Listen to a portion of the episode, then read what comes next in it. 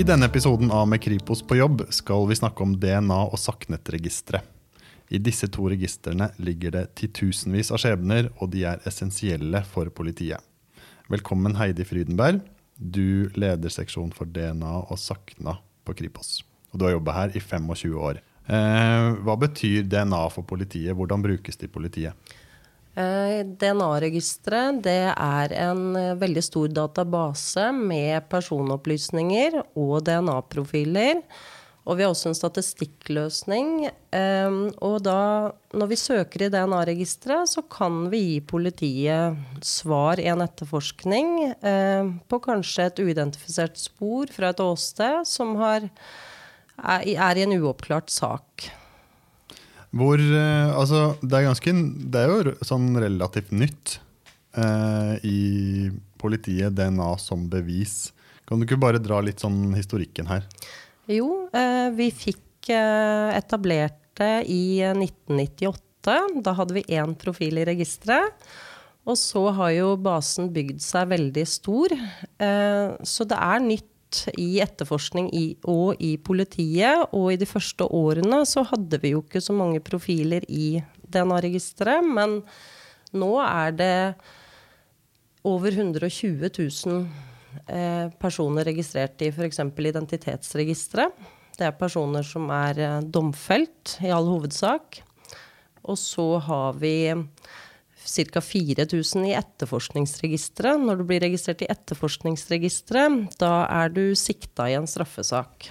Og du blir overført til identitetsregisteret når du får en dom eller et forelegg.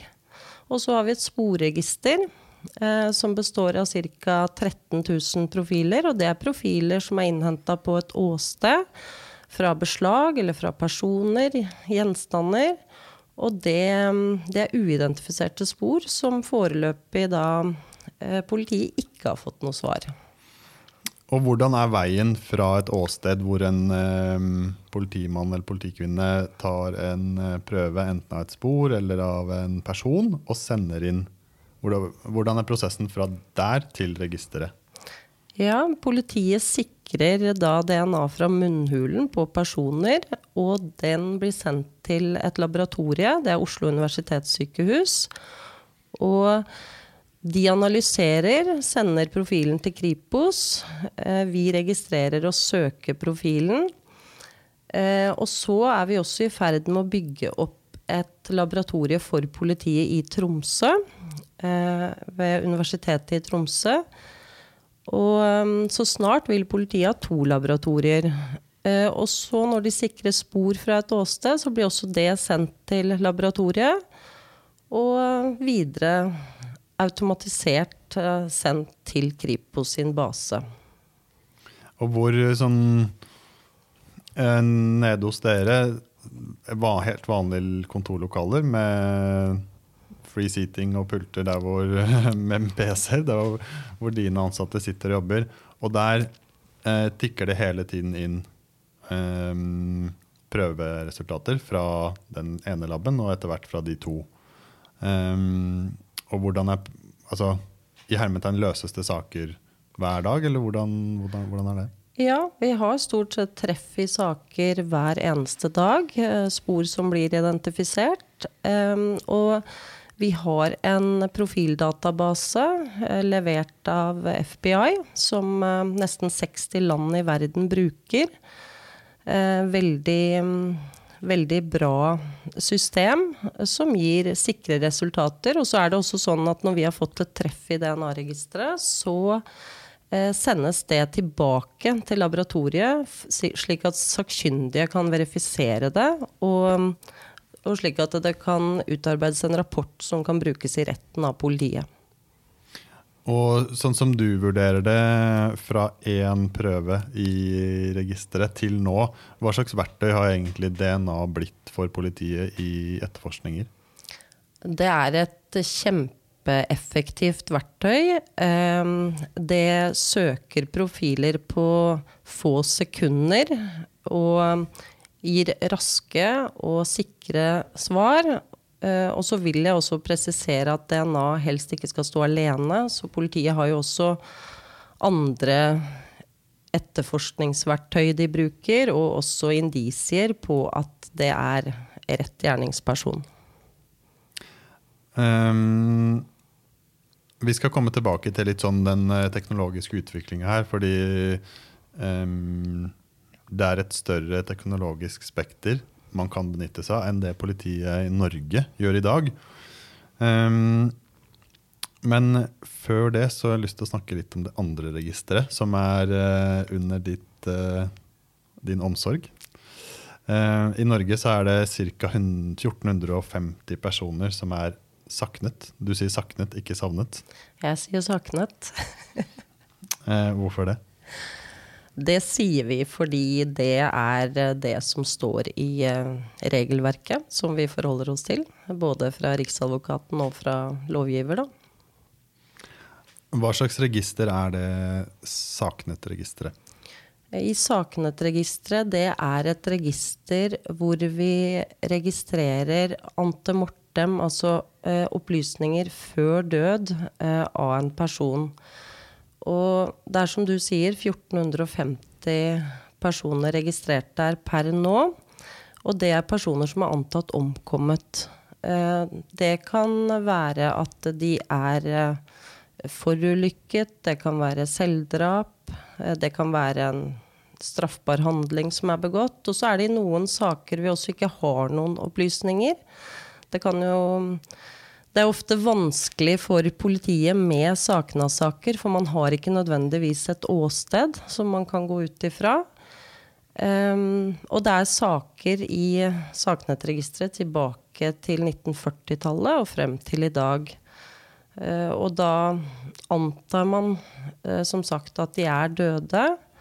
Og vi har også noen uidentifiserte lik i Sakna-registeret som vi ikke vet identiteten til.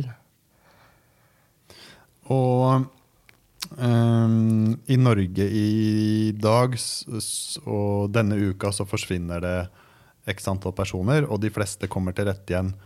Um, hva er det som er spesielt med de som havner i det registeret her, Saknet-registeret? Ja, som du sier, heldigvis kommer de aller fleste til rette.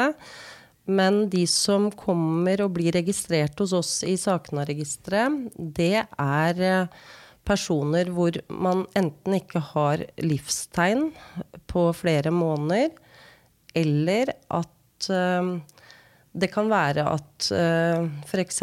noen faller over bord fra et fiskefartøy langs norskekysten, og man heller ikke har livstegn på flere dager, at man da blir registrert i Saknettregisteret. Og så er det også noen som blir registrert der, som heldigvis kommer til rette.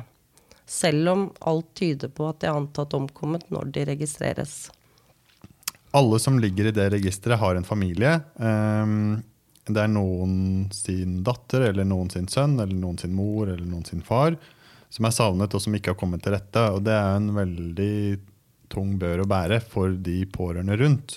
Hvordan eh, preges eh, dere og arbeidet deres av det? Eh, det er klart at det tenker vi på. At selv om det er jeg vil si kun 1450 savna i Norge siden 1940-tallet, så er det jo én skjebne og én familie som er rammet bak enhver sak. Og det eh, Det tenker man jo på når man får inn opplysninger. Og det er jo pårørende som gir oss opplysninger ofte om opplysninger da, om den sakna fra før død, sånn at vi lettere skal kunne finne de, eh, eventuelt identifisere noen. Og det Ja, det kan på ulik måte prege ansatte.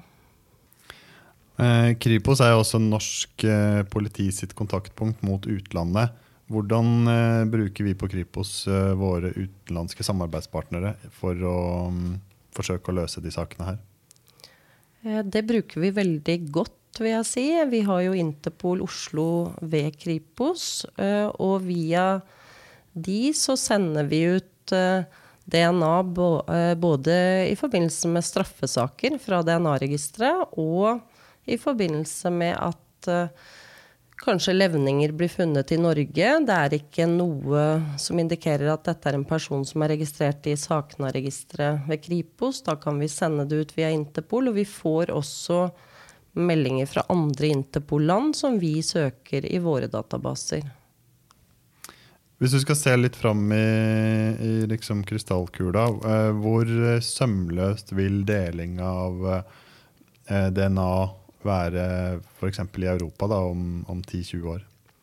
Eh, det vil være veldig bra. Vi har jo eh, som nevnt Interpol-kanalen, eh, hvor veldig mange eh, land hvor vi kan utveksle informasjon med veldig mange land. Og så kommer også Prym-samarbeidet nå, hvor det skal utveksles DNA eh, mellom EU-land eh, og Norge.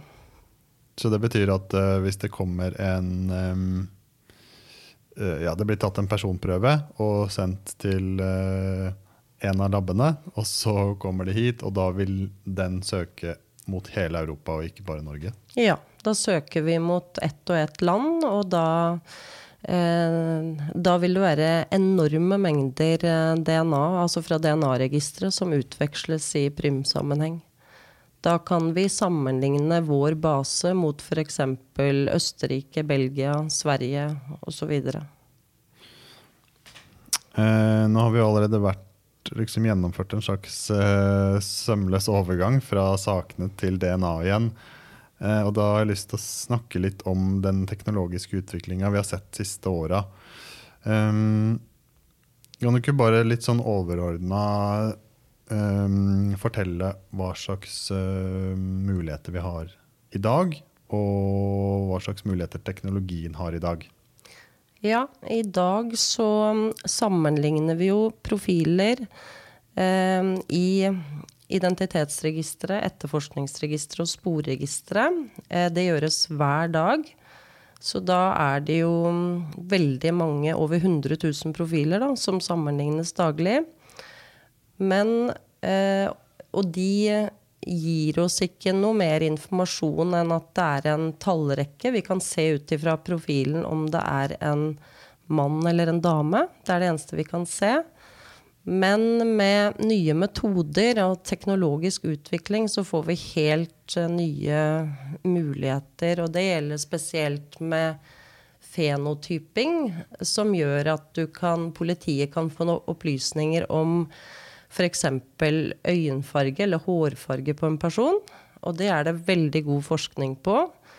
Eh, og, men nå ser man også på om man kan si via fenotyping har personen fregner, eh, form på ører.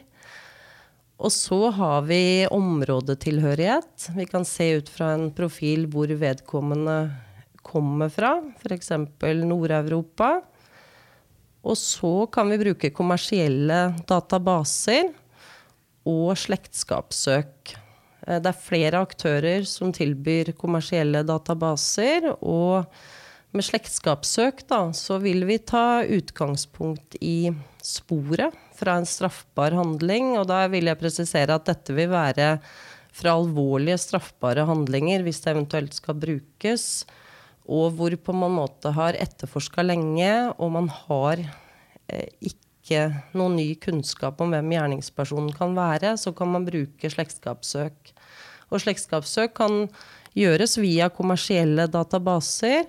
Og det kan også gjøres i den DNA-profildatabasen som Kripos har.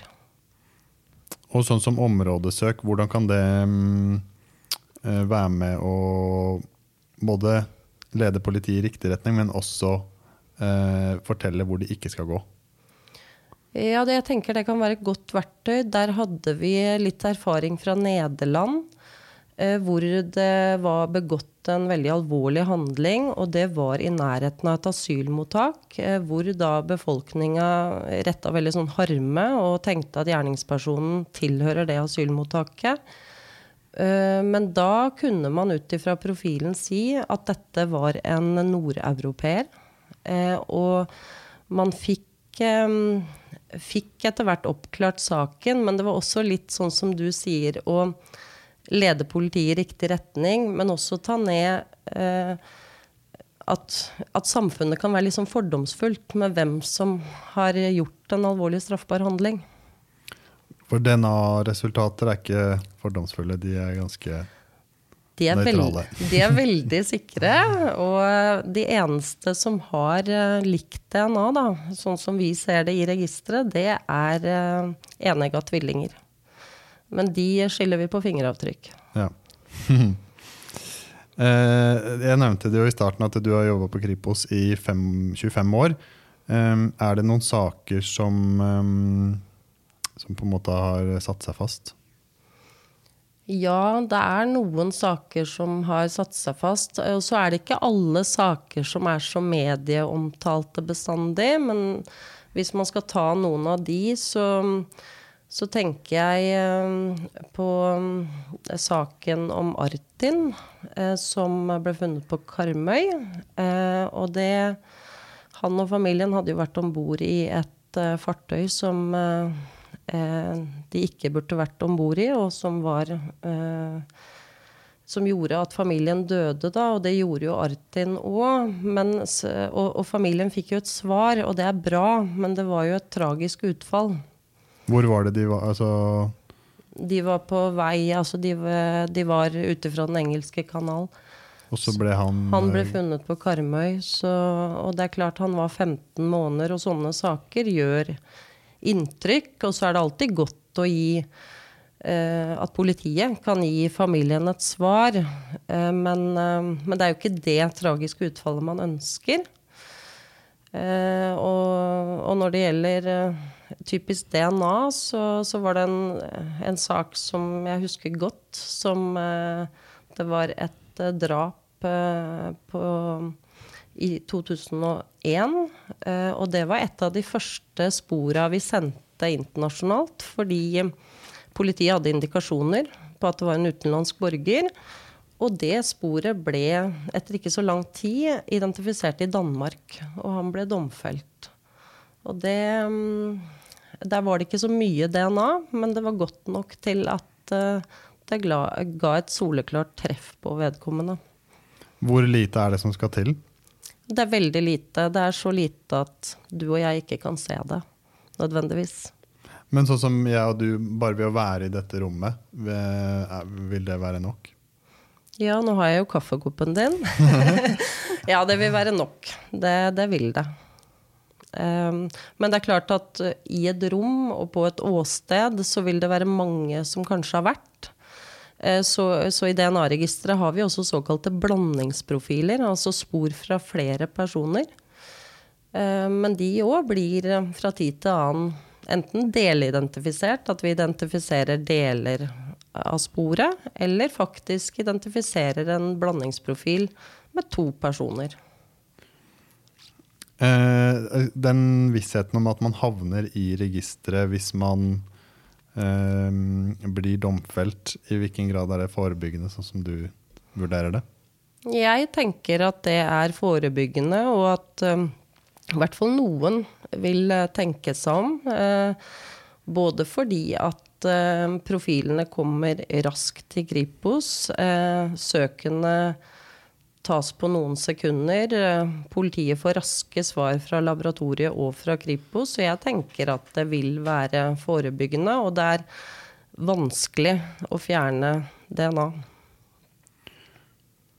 Du i, Her på Kripos er det en uh, eh, ID-gruppe som på, aktiveres ved store ulykker. Um, F.eks ja, tsunamien i Thailand, eh, In Amenas, terroren der, eh, helikopterulykken eh, utenfor Bergen. Mm, hva slags rolle har dere i arbeidet hvor mange nordmenn dør i ulykke eller terror? Eh, ja, der bruker vi Vi har en ulykkesbase. Så når det skjer en katastrofe eller ulykke, så, så bidrar mine ressurser inn sammen med rettsmedisinere, tannleger, krimteknikere. Og så eh, matcher vi da eh, ante mortem og postmortem-opplysninger, altså uh, opplysninger fra innhenta før død og etter død, slik at pårørende raskt kan få svar. Eh, det er viktig. Eh, at, at de, eh, og noen ganger så er det identifisering på tenner, noen ganger på DNA og, og, på fingeravtrykk. Og vi ønsker i utgangspunktet at to av de kriteriene skal være oppfylt for at man skal ha en sikker identifisering. Um, kanskje litt sånn selvsagt uh, svar, men jeg stiller spørsmålet likevel. Hvorfor er det viktig, det å gi et svar? Det tenker jeg er viktig for, um, for pårørende. At uh, selv om utfallet er tragisk, at de raskt får vite hva som har skjedd da, med sine nære og kjære, og at du vil jo ikke nødvendigvis gå videre eh, etter et sånt svar, men at man i hvert fall er funnet, og at politiet også ut ifra det kan si noe om hva som har skjedd. Mm.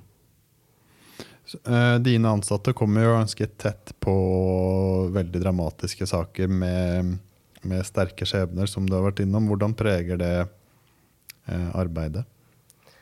Eh, det preger de på ulike måter, men der vil jeg si at eh, Kripos er veldig profesjonelle og flinke. Vi har en HR-seksjon som raskt eh, kommer på banen med profesjonelle aktører, sånn at de kan få hjelp fra bedriftshelsetjeneste. Det er debrifer. Og vi har et veldig solid apparat ved Kripos med kollegastøtter og vernetjeneste også, som kan bistå. Fordi vi nevnte det jo i starten, men de er jo ikke politiutdanna og har jo ikke på en måte den eh, nødvendigvis en, en utdannelse som gjør dem rusta for, å for, å se og, og, ta inn de inntrykkene som sånne saker gir. da. Nei, det er helt riktig. Og så er det litt ut ifra hva ulike personer reagerer på. og og selv om ikke vi eh, nødvendigvis er ute på et åsted, så er det ganske mye sterke inntrykk med bilder, bl.a. Eh, så eh, men, men, det er et veldig solid apparat på Kripos som håndterer det. Så, så, de Jeg vil si de takler det veldig bra. Og så, så er vi også flinke til å snakke om det oss kollegaer imellom selv om ikke vi er profesjonelle sånn som bedriftshelsetjeneste og f.eks. psykologer er. da. Mm. Sånn avslutningsvis, du nevnte i stad at uh, da du starta her, eller helt i starten, så var det bare én prøve. Hva slags uh, reise er det politiet har tatt innenfor DNA uh, fra den tida til nå? Jeg tenker at det er en veldig stor eh, reise. Og, og vi skal huske på at når DNA-registeret ble etablert, så var det ganske strenge kriterier for å bli eh, lagt inn i DNA-registeret. Um, og, og, da vil jeg si at det var ganske stigmatiserende å være registrert der. Uh, det var i, de, de, fleste som var registrert, var dømt for drap, uh, voldtekter og, mm, men så fikk vi en mer liberal lovgivning. Eh, og vi fikk også dette etterforskningsregisteret, hvor vi kan registrere de som er sikta. Og der har vi også sett at en person kan bli sikta for et mindre alvorlig handling, f.eks. et villainnbrudd, og så eh, identifisere faktisk vedkommende et spor fra en voldtekt. Eh, så det, den reisen har vært enorm, og jeg tenker at det er et kjempeviktig verktøy eh, for politiet. Lykke til videre på reisen, og takk for praten. I like måte.